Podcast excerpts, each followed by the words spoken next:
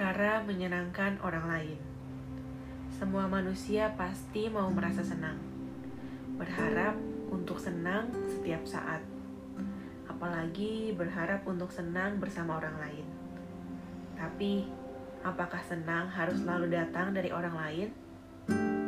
Senang, kata yang mudah dirasakan tapi belum tentu dalam. Perkara menyenangkan orang lain. Siapakah kita bagi mereka? Lalu, mengapa kita harus menyenangkan mereka? Perkara yang sebenarnya tidak mudah, tapi tetap aja mau dilakuin. Emang dasar, kita manusia yang ingin mencintai untuk dicintai. Kita yakin, dengan membuat orang lain senang, kita bisa dicintai. Nyatanya, sudah saatnya mencintai dan dicintai dengan tulus.